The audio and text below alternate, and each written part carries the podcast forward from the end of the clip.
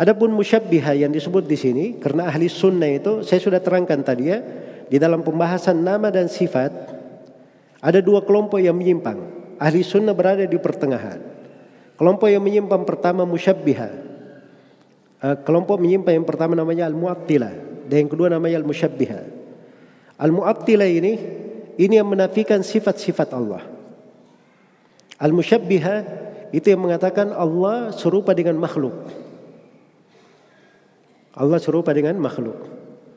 Kalau orang musyabbiha mengatakan ahli sunnah mu'attilah. Orang mu'attilah mengatakan ahli sunnah musyabbiha. Jelas ya? Dan itu berlangsung sampai hari ini. Sampai hari ini. Iya. Makanya ahli sunnah itu oleh sebagian manusia digelari mujassima. Mumathila. Musyabbiha katanya. Itu dibangun di atas pemahaman dia sendiri. Ya. Ketika ahli sunnah menetapkan Allah punya tangan. Ahli sunnah berkata Allah punya tangan. Hakikat sebagaimana Allah kabarkan. Tapi tangannya itu sesuai dengan keagungan dan kebesaran Allah.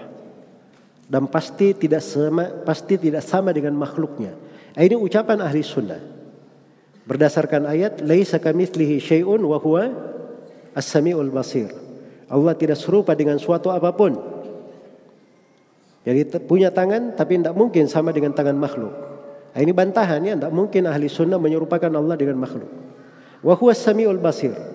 Allah maha mendengar lagi maha melihat. Nah, ini bantahan terhadap kelompok musyabbiha. Iya. Betul Allah tidak serupa dengan makhluk. Tapi bukan artinya kita tiadakan sifat tangan dari Allah. Itu penetapan bahwa ada tangan. Itu bantahan untuk kelompok mu'attilah. Tadi.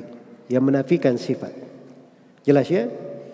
Jadi Cara berpikir kelompok musyabbih dan mu'attilah ini itulah yang membuat mereka keluar dari jalan.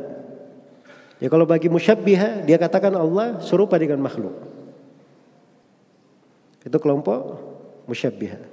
Dan kelompok mu'attilah dia katakan bahwa kita harus menafikan nama-nama dan sifat Menafikan nama-nama dan sifat supaya kita jangan menyerupakan Allah dengan makhluk.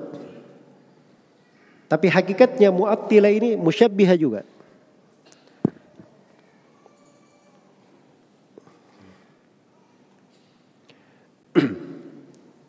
Jadi hakikatnya kelompok mu'attilah ini musyabbiha juga. Dan kelompok musyabbiha mu'attilah juga. Iya.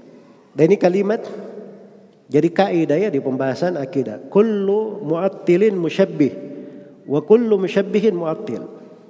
Ahli sunnah yang berada di pertengahan. Jadi tuduhan setiap kelompok tidak mungkin itu ada pada ahli sunnah. Tidak mungkin. Dan ini pembahasan perlu uraian ya. Insya Allah kita akan terangkan nanti di kajian-kajian yang akan datang.